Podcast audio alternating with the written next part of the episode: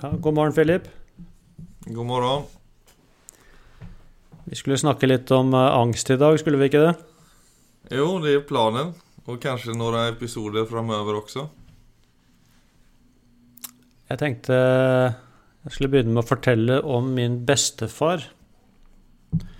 Han eh, Han hadde angst. Og det var i en tid hvor eh, jeg tror det å ha angst i det hele tatt, men kanskje også det å ha angst som mann, tror jeg var helt, eh, helt umulig. Så han eh, Han tror jeg egentlig bare holdt det for seg sjøl. Og selvmedisinerte nok litt. Og endte opp på altså psykiatrisk i Tønsberg, som jeg tror den gang het K. Hvor han eh, Hvor de også eksperimenterte med noen nye medisiner. Så han endte opp med å henge seg, altså ta livet sitt, på psykiatrisk. Og det var eh, fem dager etter at jeg ble født. Og det var faktisk sånn jeg endte opp med å bli hetende Viggo, for han het Viggo. Så jeg Mm. skulle egentlig hett Pål, men så ble det Viggo som Ja. et minne om han. Hette du Pål først? Nei da, jeg var jo bare fem dager, så jeg hadde jo ikke, jeg hadde jo ikke blitt døpt ennå. Du hadde ikke fått Det var liksom eh, te testnavnet Pål. Ja, så vidt jeg vet. Men det er ikke så innmari lenge siden. Ja, det er jo 50 år siden, da, men uh, altså, Så det har jo skjedd Det har jo skjedd noe på 50 år. Altså sånn i forhold til både kunnskapen vår rundt disse tingene og Jeg tror stigma rundt det. Men jeg Mm. har eh, Altså, når jeg hørte det Jeg har tenkt en del på det. Jeg tenkte jøss, noe så unødvendig. Altså jeg, tror, eh, jeg tror ut fra det han, han slet med, så ville jeg tenke at egentlig så var det noen få samtaler. Var det noe konkret litt. som hadde skjedd med honom? Nei, det vet jeg faktisk ikke. Så det, For det var jo også sånn Jeg vet ikke om han snakka egentlig med noen om det. Men det er klart, det var jo da Nei, Jeg vet ju man snakket om det. jeg vet ikke hvor lenge siden det var, men hvordan man liksom pratet rundt det, altså det psykiske, var jo liksom forvirring. Altså man Ja, så var det jo en enorm eh, Det var en enorm frykt også rundt dette mystiske. Ikke sant? Ja, Så det bestemor husker jeg var jo sånn herregud, liksom, har du fått disse nervene til far? Det var det, var det hun var eh, Det var det hennes begrep rundt det. Har du fått disse nervene? Ja. Og det var eh, Det var som en entitet. Jo, men jeg nevnte det, det for deg med den dokumentären jeg så i USA også, med han tennisspilleren Marty Fish som var en av dem. For der hadde de også en sånn utrolig regime på unge talanger i USA. Och där var det liksom disciplinen var liksom var stenhård, icke visa følelser, icke visa svaghet, se ner i backen, icke möt folks blickar. Och visa att du liksom bär på något annat än det. Det var att visa svaghet. Och Ja, jag tänker det, det är så mycket av det som hänger igen då, säkert idag också fortfarande, som liksom skambelägger mycket av det fortfarande. Ja, det gjør nok det. Det er jo blitt uh, Altså bare den Altså at det å kjenne på angst er svakhet. Det er jo Ja. Det er jo en latterlig idé. Altså, for det er er det første stedet vi kan eh, Ja, det er, det er sykt på den måten at angst er en grunnfølelse. Så det er noe alle mennesker har. Altså det er en del av vår uh, utrustning. Og det er jo en utrolig viktig følelse også for å, for å navigere i verden. Så det er den ene tingen. Altså alle mennesker har angst. På den Ja men så er det også det med at det er jo Så som jeg kan oppleve det så har du Det er klart at angst kan spore ur så mange andre negative følelser, men jeg vil jo tro at det går i parallelt med også for mange en emosjonell intelligens At du har at du har en eh, grunnleggende god kontakt med eh, fornemmelser, Med sensationer Alltså jeg tror jo de, de ofte går parallelt. Da vet jeg ikke hva du mener med emosjonell intelligens. For det er klart, hvis du har fått en angstlidelse, så Så kan jo det være ganske forvirrende. Så det kan gjøre at man mister egentlig litt av orientering. Altså, for det er jo en ting er å ha altså alle disse følelsene som vi alle har. En annen ting er jo å få en angstlidelse. Altså hvor dette henger seg opp. Jo, og da vil det jo ofte være Ja, kom igjen. Ja, det, det jeg egentlig forsøker syfte på, er at jeg tror at folk som har en benägenhet til å føle på ting, da Kanskje litt mer enn visse andre. Altså at vi har jo, andre, vi har jo alle liksom ulike oppsetninger og ulike erfarenheter i livet. Men at det også er et potensial for å katalysere det i en retning som kan gå mot en emosjonell intelligens, f.eks. Om man liksom å ja, ja, ja. observere, jobbe med hva er dette egentlig? Absolutt. Så er det en følsomhet som også på... kan anvendes til, til en styrke, som er motsatt til svakhet. Ja, jeg tenker at det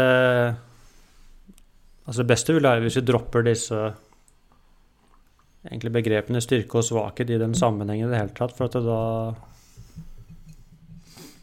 Ja, da tar vi med liksom det at dette har noe med det å gjøre. Altså, dette er jo Ja, nei, nei, så sett.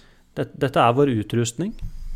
Det kan godt hende at det er altså noen mennesker som har dette altså mer i sin uh, makeup, altså rent sånn personlighetsmessig, som en, som en ekstra følsomhet. Det ville jeg til og med tenke at det var. Så det er jeg enig med deg i, at det kan uh, At den kan slå ut da, som noe som blir veldig problematisk hvis det ikke blir forstått. Men som selvfølgelig også kan bli en kjemperessurs hvis det er noe man da altså begynner å bruke med en form for bevissthet. Så jeg regner kanskje med at det var det du pekte på. Det, er, uh, mm. det tror jeg er kjemperelevant. Men har du et forhold til angst? Ja, i høyeste grad. Så det ja, jeg har vel fortalt om. Altså, jeg kjente jo mye på de følelsene Altså ja, sent i tenåra. Og syns jo det var helt forferdelig. Men uh, Men ser jo i dag at det Altså for meg så var det en uh, Altså en følsomhet overfor egentlig overfor eksistensen. Som uh, som jo ble drivkraften i min egen søken. Så det var jo, hadde ikke vært for den motoren, som jo angsten var, så ville jeg jo aldri gjort de tingene jeg har gjort. Uh, og i dag så vil jeg jo si at altså Selv om jeg ikke har angst i dag, altså sånn i det hele tatt Men altså jeg tror i det øyeblikket jeg skulle bevege meg Nei, altså ikke som altså, Du kan få det i en konkret situasjon, om det skjer noe farlig eller noe ubehagelig, men ikke så at du Ja, ja, den uh, De kommer nei, ikke å knakke på døren uventet. Nei. Men altså, jeg vil jo tenke at det ligger der som et, egentlig som et varselsystem. Så i det mm. øyeblikket jeg skulle bevege meg altså bort fra veien min, så vet jeg at angsten vil dukke opp. Mm.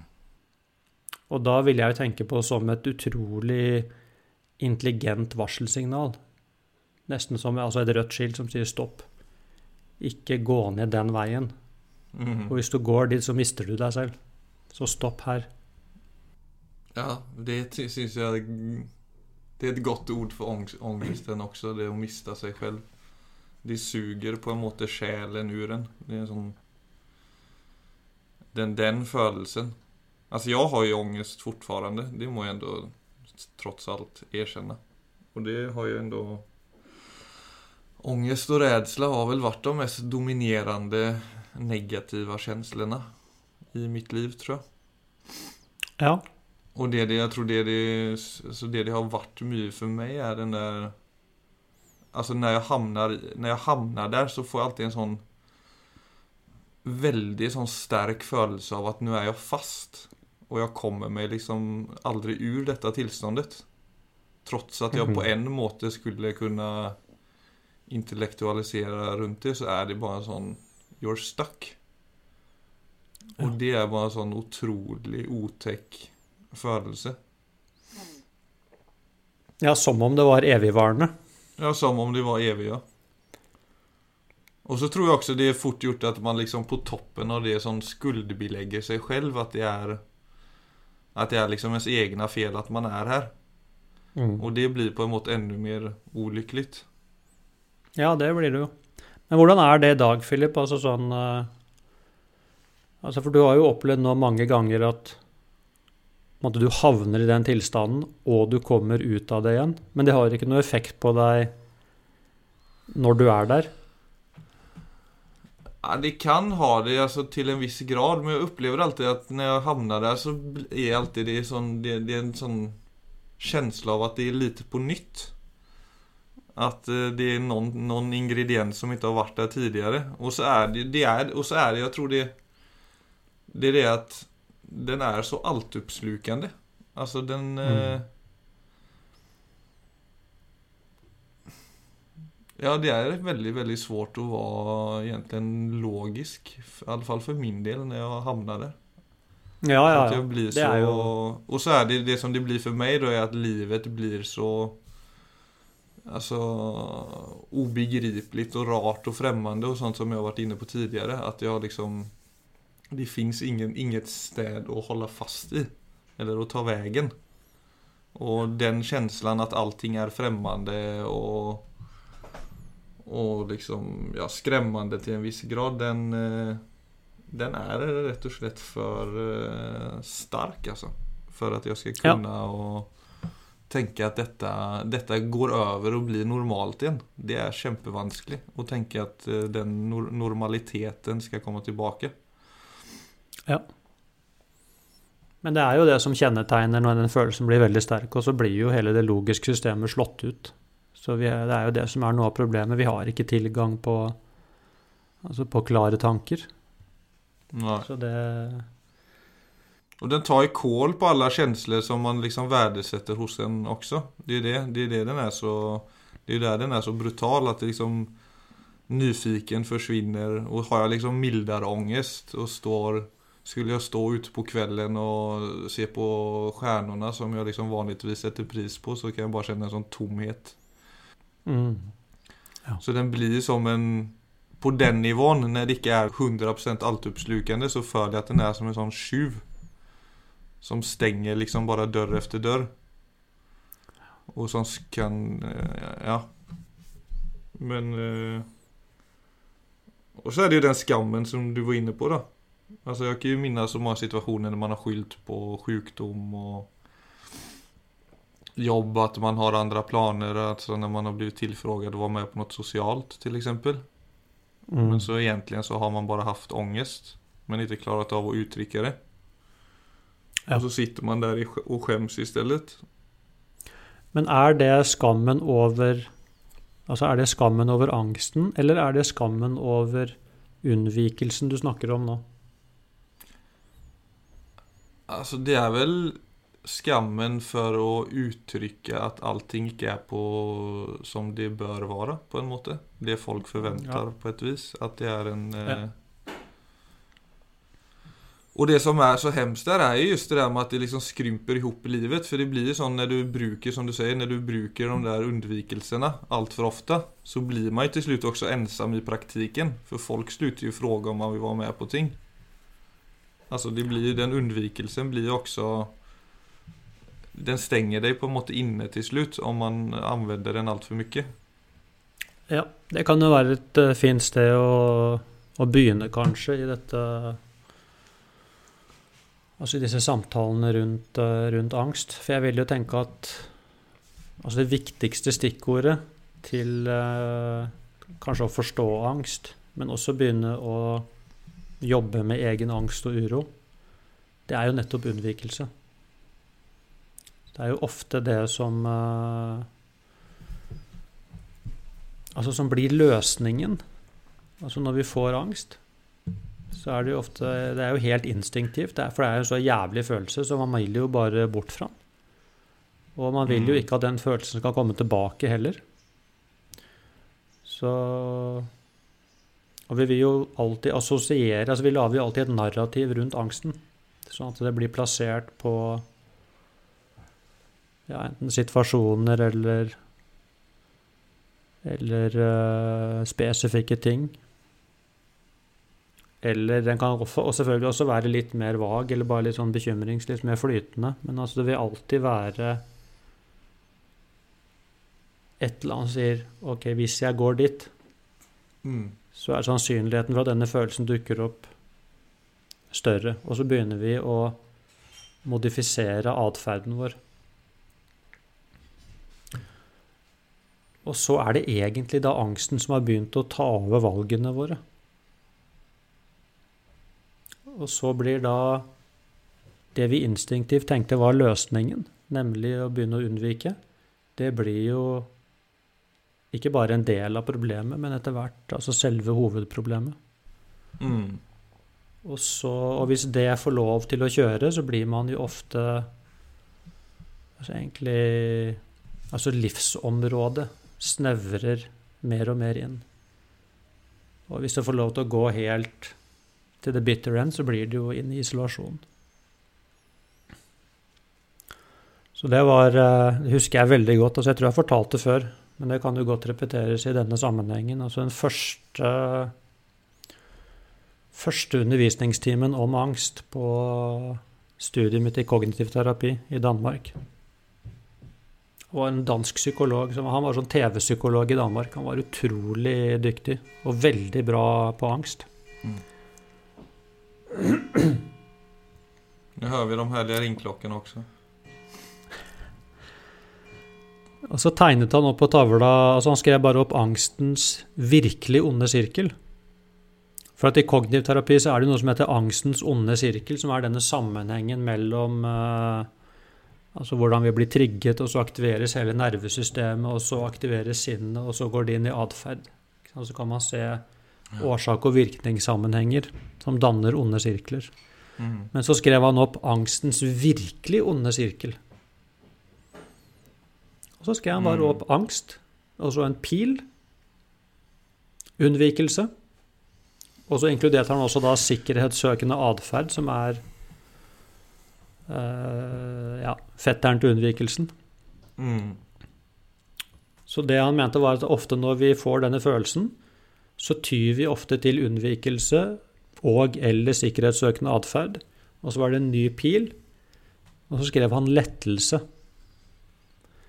Så ofte når vi har da altså veket unna eller søkt sikkerhet, så får vi en umiddelbar følelse av lettelse som bekrefter at disse strategiene funker. Og så er man fanget. Ja, og du kommer Då undan det du tenkte var et hot. Ja. Så, så det- unnvikelsen funker på kort sikt. Men det er veldig skummel.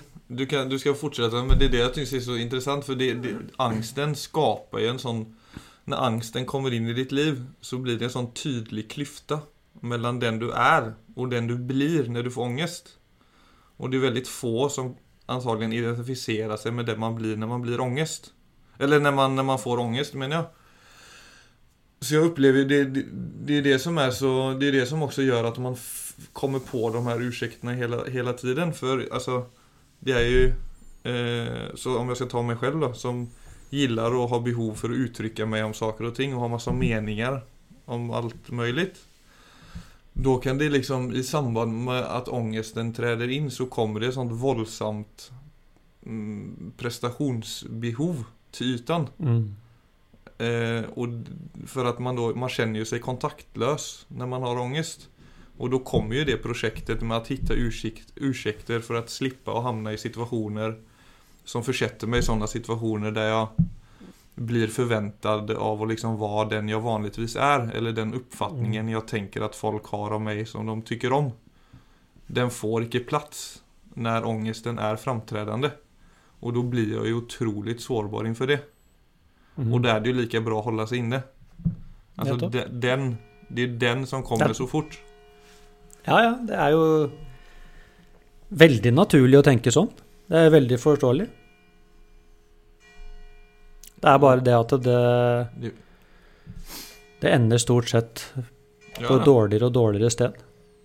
Så, men det er derfor det er så viktig å forstå altså de underliggende mekanismene i angst. For at akkurat det vi snakker om nå, det vil nok være relevant uansett hva slags angsttype man, eh, man har. Så vi har disse det er sånn forskjellige kategorier angst da, i forhold til eh, altså generalisert angst og, og panikk, fobier, posttraumatisk stress og tvang. Mens alle de så vil unnvikelse være en viktig faktor. Så jeg tror det kan være nyttig å se på i hvert fall i dag, altså kanskje holde oss på disse grunnleggende faktorene. Bare prøve å forstå et mønster. Og så også kunne se på den automatikken som dukker opp. Og så er det noe, da, noe med å forstå. Og der er det viktig. Jeg er ikke sikker man klarer det akkurat når angsten dundrer i vei, men det er noe med å bringe inn refleksjonen når man har rolige øyeblikk. For å se at uh, For akkurat når dette skjer, så fins ikke den løsningen som er uh, problemfri. Det er den vi ofte leiter etter. Mm. Altså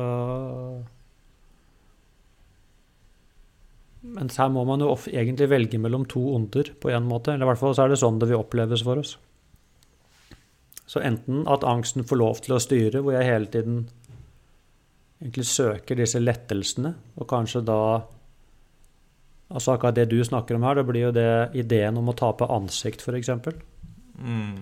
Det å fremstå på en måte som uh,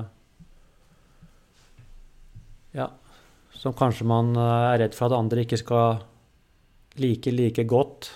Altså det å stå så naken og sårbar, altså det å eventuelt da tåle alt det. Det er jo en For de fleste av oss det er jo et risikoprosjekt av dimensjoner. Mm. Man er så, så usikker på hvordan man skal kunne bidra med noe vettig til det tilstandet. Alltså jag har ju brukt det i ja. podden och ibland, alltså om jag har haft en dålig dag så har jag till och med till dig kunnat säga att du jag följer mig sjuk eller har mycket jobb. Alltså mm. som per automatik. Men egentligen Absolut. så har jag bara varit i det där. Och, och så är det också många gånger så som jag har ändå utfodrat det. Alltså att man har bara kört på. Och mm. då är det också någonting i en som faktiskt fungerar och att man plötsligt bara kopplas på och fungerar och det var väldigt bra att man utmanade det. Men det det, det, som är, jag tänker också det så som att vara runt folk man känner att man inte blir värderad och bedömd och förminskad. Det är ju också någonting som kan hjälpa. Alltså Jag tror det Ja, det är ju det är en ingrediens där av i alla fall att kastas ut i den typen av situationer att man känner sig någorlunda trygg med folk. Mm, ja, det tror jeg er veldig viktig. For det er jo det er klart Den muligheten fins jo faktisk her, at man er rundt folk som ja, som møter det på en uh, altså nettopp, nettopp, fordi de kanskje selv er redde for den type følelser, at det blir møtt på en dårlig måte. Altså, det er jo de tingene som jeg tror har endret seg mye siden eh, min bestefars tid, f.eks. Men, uh, men det er klart, det er, jo, det er jo det man er redd for. at Tenk om de ikke forstår meg. Tenk om det blir, som du snakker om denne tennisspilleren, da. Tenk om det blir faktisk sett på som svakhet. Det er klart, da Da viser jeg det i hvert fall ikke fram. Men uh, Ja, det ble jo bare Det ble jo faktisk til og med i den kretsen der så ble jo det en utrolig stor lettelse for veldig mange andre tennisspillere og mennesker ja, der ute som slet med akkurat det samme. Ja. Men da tok han støyten med å være den som brøyte opp den døra. Ja. Og så er det jo akkurat det som skjer. Det er jo da at alle er plutselig Alle kan puste ut og si åh. Så har du det sånn også? Den masken så hardt. Nei, trenger egentlig ikke holde en maske i det hele tatt. Det er, eh, men det minner meg om altså det Det er klart, den andre muligheten som, som finnes, da, og som ofte faktisk veldig ofte er det som, som egentlig skjer, det er jo det at når, eh, når noen viser sårbarhet og føler seg på sitt svakeste, så vil jo ofte det altså være rystende altså for, eh, for, omgivelsene. At det, Altså det å Det å vise sårbarhet fremstår jo ofte som en utrolig styrke. Mm. Altså for det, det ser vi Ja. alle at det krever, det krever et enormt mot. Mm. Så det, det omgivelsene ofte ser, er jo dette utrolige motet som denne personen viser. Når han eller hun føler seg på sitt svakeste. Og det kan jo selvfølgelig også være sånn Man blir møtt på på en møte som man absolutt ikke trodde. Så her er det mange ting å, å reflektere over, hvor ja, altså hvor følelsene våre ofte forteller oss noe helt annet enn det som, eh, som faktisk skjer. Så, så er det klart denne unnvikelsen Det er jo derfor ofte det er disse tingene folk ofte har hørt med angst. Det er jo ofte unnvikelse, og så er det det motsatte, som ofte da er medisinen, da, som er eksponering. Så, så veien ut av angsten er jo nettopp da å ikke la unnvikelsen holde tømmene, men eksponere seg overfor det man er redd for, for å få nye erfaringer. Mm. Og igjen, da, jeg husker når vi, det gjorde et enormt inntrykk på meg. Altså, han, eh, denne samme læreren vi hadde i kognitiv terapi, han viste en av disse TV-seriene som han hadde tatt opp. Det var på dansk TV 2, tror jeg. Mhm. Hvor, eh, hvor folk som var virkelig plaget av angst, altså de sendte inn eh, liksom, søknad om å For da fikk de noen timer med han, og så lagde de et program på det. Mm. Og siden dette skulle være TV, så var det jo også Han var jo helt avhengig av å få egentlig store resultater på kort tid. Så han lagde jo da sånne strategier for massiv eksponering. Og en av de episodene, det var, eh, det var eh, en person med sosial angst. Og så lagde de da sammen et, eh, et sånt eksponeringscase. Og Mm. det hun skulle gjøre, hun skulle holde et foredrag om sosial angst foran en gruppe psykologer. Ja. Og det ja, den er herlig. Ja, den, den er herlig. Og, og, og det fantastiske er at hun tok utfordringen. Og, og det var ikke bare det at hun skulle holde et foredrag om sosial angst for psykologer, men hun skulle gjøre det på TV. Du kan forestille deg Ja. De er Og så kommer hun eh, ikke sant? Og så kommer hun inn. Og du ser jo det, hun, hun, hun skjelv? Hun, hun kommer skjelvende inn på dette podiet. Og der sitter alle psykologene. Og så begynner hun å snakke. Det er så vidt stemmen bærer. Mm. Og så kommer hun i gang. Og du ser jo også da det jo, Og så zoomer det inn på nærbildet av de som sitter og ser på. Du, du ser bare alle er helt Du ser det på ansiktene deres. Altså de er stumme av beundring. Og jeg tror også de De har aldri lært mer om sosial angst enn de gjorde på det halvtimes foredraget. Så det Men det motet ikke sant? Så det, det hun følte, må jo ha vært en omtrent en absolutt følelse av svakhet og utilstrekkelighet.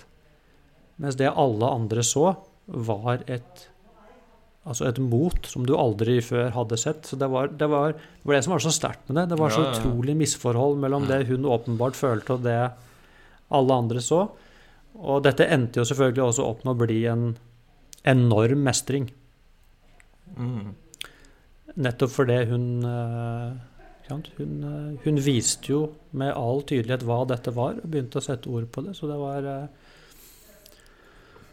men, men samtidig så ser de jo wow, for en eh, Men det illustrerer jo ofte også det Altså det motet som trengs, da.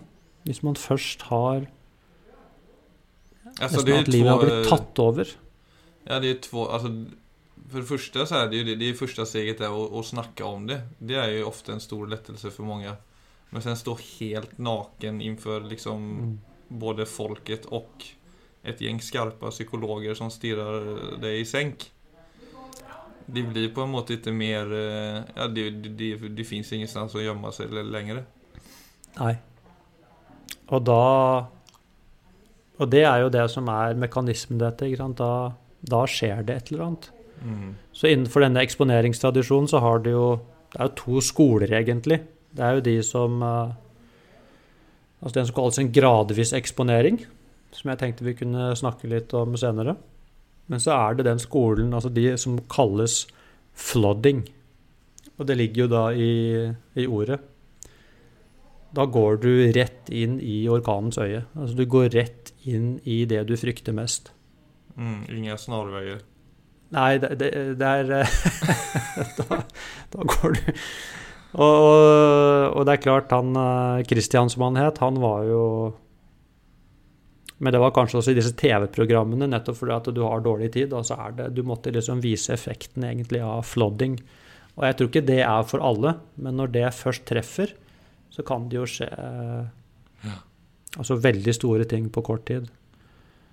Ja, men det tror jeg skjedde litt med han Marley Fish, tennisspilleren. For han, det var jo en pressekonferanse som han bare trykte på knappen og åpnet seg for ja, hele Ja. landet, ikke sant? Og fra å Ja. ha legat liksom som et russin i sin soffa og ikke ha villet ta kontakt med verden for fem øre. Så det er jo et slags eksempel på det også.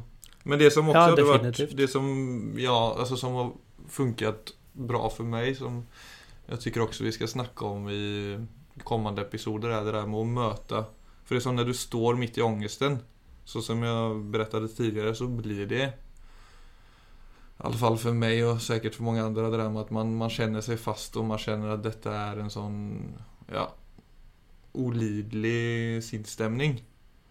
Og tankene bare bør spinne, og det drar i gang onde spiraler. Men å bare sette fokus og møte det med kroppen, altså veldig sånn konkret, og Mm. forsøke å ikke gå inn i huvudet. Det har jeg, eh, tror jeg er veldig fint. Og, det, og generelt sett egentlig møte den type ting med kroppen istället for å gå som man fort gjør, rett opp i skallen. Det er på, det er på en måte en umulig prosess og når man er i det tilstandet. Det er eh, Ja, der snakker du også om Altså, da er vi jo mer inn på Altså kanskje der hvor også som meditasjon, eller i hvert fall visse former for meditasjon, kan være veld, til veldig god hjelp. For der kommer jo nettopp dette med å kunne romme altså det som skjer konkret i kroppen. Og, og, og egentlig da også få erfare at dette som skjer i kroppen, det er For det første er det konkret. Ja, for det er nettopp det. Det er veldig konkret. Men det som skjer i huvudet, er utrolig komplisert og komplekst Ja. når du er i det tilstandet. Ja. Og det som skjer i kroppen, det vil du også da erfare over tid, det er at eh, det er ikke farlig. Det er bare ubehagelig. Så det er en erfaring man etter hvert kan begynne å eie. Det er at eh, altså nå stormer det i kroppen. Men jeg vet at dette er en storm som har en begynnelse og en slutt. Og jeg vet at dette kan jeg faktisk romme. Så der kommer jo disse Altså det som ofte kalles å møte med altså aksept og vennlighet og varme og gi rom. Altså være imøtekommende uansett hva som skjer. Og det å begynne også da, i hvert fall med litt trening, da, Mm. gå igjennom også disse merkelappene, altså hva dette heter. For det heter egentlig ingenting. Det er bare kroppslige fornemmelser som eh, Ja. Som egentlig som da stormer, da, når det er den type følelser. Så det er klart, i øyeblikket man Igjen, for da går du egentlig også inn i stormens sentrum, men da gjør du det på en annen måte. Da går du der hvor det faktisk stormer, som jo egentlig er i nervesystemet. Og, og nettopp ved å ikke kjempe imot, men ved å være i det uten motstand, så er det nødt til å roe seg ned. Mm. Så det er jo også fantastiske erfaringer å kunne, å kunne gjøre seg. Så det å bruke Ofte så blir det da å bruke pust og aksept. Men der er det også en utrolig viktig distinksjon. Det er dette å ikke bruke det som eh, kontrollstrategier. Og der er det mange som misforstår. Altså, for tror du skal bruke det som uh, nesten som en pille mot angsten. Mens i aksepten så er det nettopp at jeg kontrollerer ingenting. Så jeg virkelig å slippe taket i ideen om at uh, nå skal jeg puste meg til ro, f.eks. Nei, du skal ikke det. Du skal rett og slett bare møte det uten motstand. Mm. Så den Det kan virke som en liten ting, men det er, en, uh, det er, måte, det er akkurat der at disse veldig viktige skillelinjene dukker opp. Kan jeg klare å være med dette? Ja, og der er det jo sånn viktigt å si at det er mye motstånd som kommer inn i bilden når du... Klart det. Når det skjer. For jeg vet jo det at om jeg kjenner på kjenner på det og jeg liksom, Ok, nå møter jeg det direkte i kroppen og så samtidig som jeg puster godt og slappnar, og slappnar av så godt det går så er det, så er det också sån, okej okay, nu kommer det, alltså det, den, det som sker direkt är att okej okay, nu kommer det ännu starkare. För att det är precis som du öppnar upp dig för det. Mm. Men så är det samtidigt en övergång som du säger att du Just av det att känslor ju är temporära och kommer och går och du bestämmer och vågar möta dem direkt. Så är de ju nött till att också ändra karaktär och till slut också släppa taget. Ja. Och det har jag ju faktiskt i mina situationer kunnat lita på. För jag vet ju det de gångerna när jag är i skallen och spinner på den tråden så går jag ju längre och längre bort från verkligheten och längre och längre bort mm. från det som skulle kunna vara lösningen. Så jag har ju, så det Alltså det å faktisk ta det helt inn over seg, at en känsla er temporær. Den kommer til mm. vike seg sig om du møter den. Da bearbeides den. Og det er jo grundprinciper egentlig. Altså relationer, alltså relationer, men skal vi snakke sånn generellt sett om livet så er jo på godt og ont alt temporært. Relationer er temporära. Eh, maten vi spiser, er temporær. Eh, livet er temporärt. Alltså tankar och känslor följer de lagarna också. Så lenge vi klarer av å møte dem. Mm. Ja. Og det, det, kan hende folk lurer på altså hvorfor er det så viktig. Så altså, Grunnen til at det er så stor forskjell på det For det øyeblikket jeg sier 'nå skal jeg gjøre dette for å bli kvitt denne følelsen', så er det allerede en motstand i meg. Så da er, jeg, da er jeg egentlig i et mindset hvor uh, angsten er en fiende, og jeg skal vinne over denne fienden. Altså med disse verktøyene. Og nettopp fordi du, du går inn på den måten, så blir det også en uh, forsterkning. For at alt når vi møter følelser med motstand, så er det allerede en forsterkning av følelsen. Mens det motsatte, det, å, altså det som ligger i ordet aksept, er jo det Man kan like gjerne kalt det ikke-motstand. Det er at det får lov til å være akkurat det der, og jeg sier OK, nå er, nå er det sånn. Ja, det får være sånn, da. Og i den ikke-motstanden så skjer det andre prosesser enn i motstand. Så det er jo det som er uh, det rare. Altså man kan møte dem med ikke-motstand, og så Og så blir veldig mye av problemet rundt det borte. Så Og det er på en måte å kunne si at jøss, dette funker jo faktisk.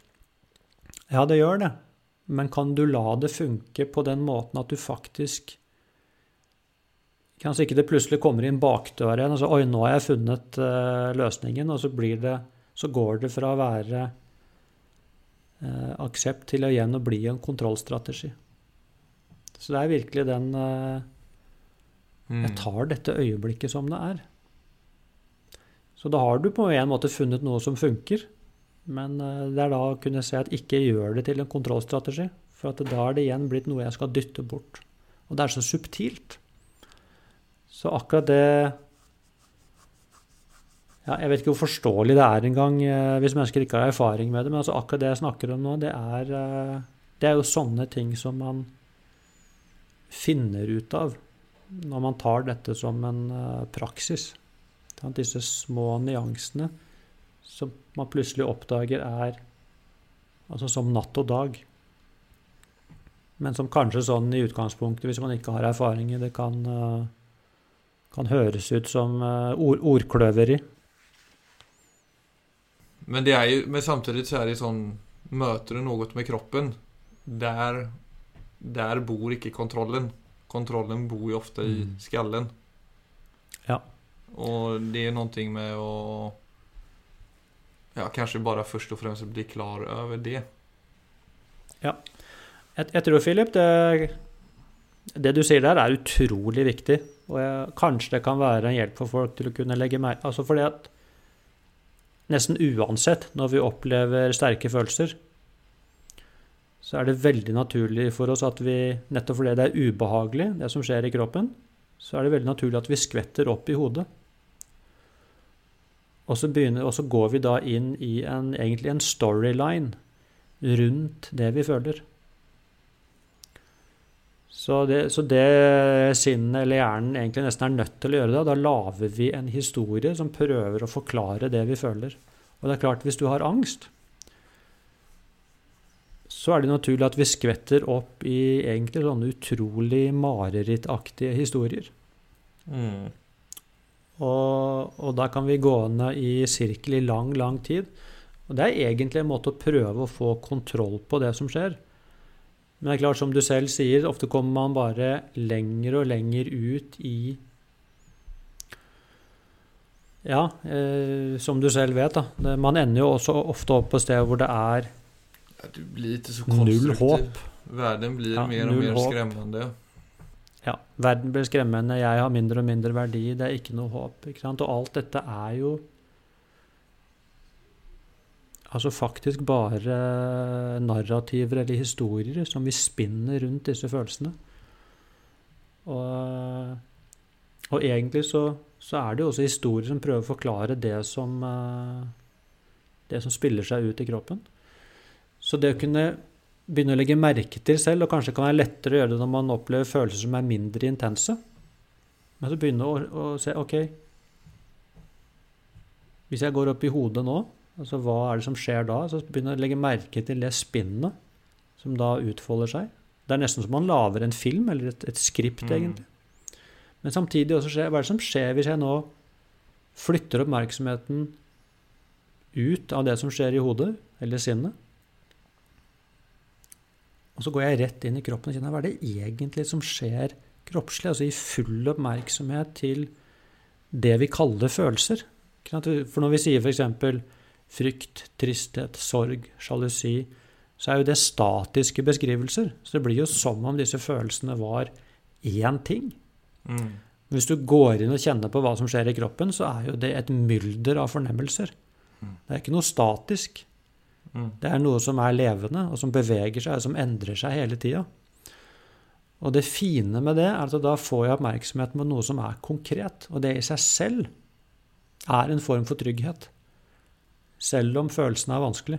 For at du blir da med noe som er levende. Og det, ikke sant? Mens disse historiene i hodet de er nettopp uhåndterlige og egentlig abstrakte.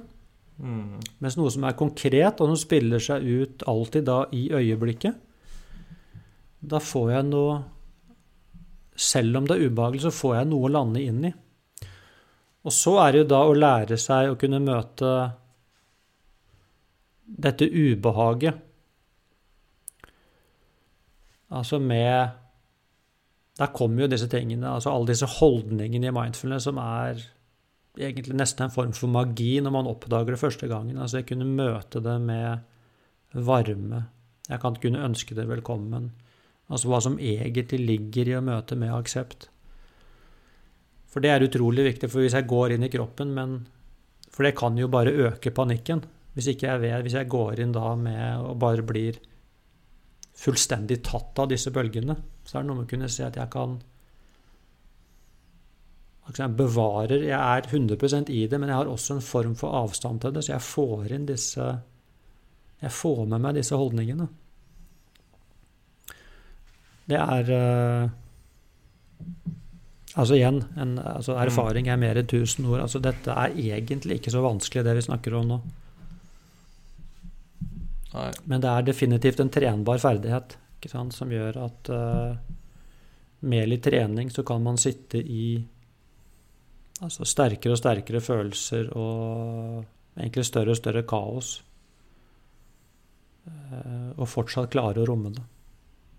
Så det er, det, uh, det er som all annen type muskulatur. Mm. Ja, och det är, sån, det är ju lite sån, det handlar inte bara om ångest egentligen utan det, det är lite känslornas natur. Det är att bli Ja. bättre och bättre på att möta dem direkt. Vill ju också liksom förlösa både kropp och sin på många måter. Ja. När man börjar förhålla sig lite på den måten där. Ja, nu hade vi, vi skulle ju snacka, ja, jag la ju fram detta först som en eh, plan för nästa episod, men nu gick vi ju rätt in i det òg. Ja, og nå har vi vel eh, egentlig snakka kanskje lenge nok for i dag.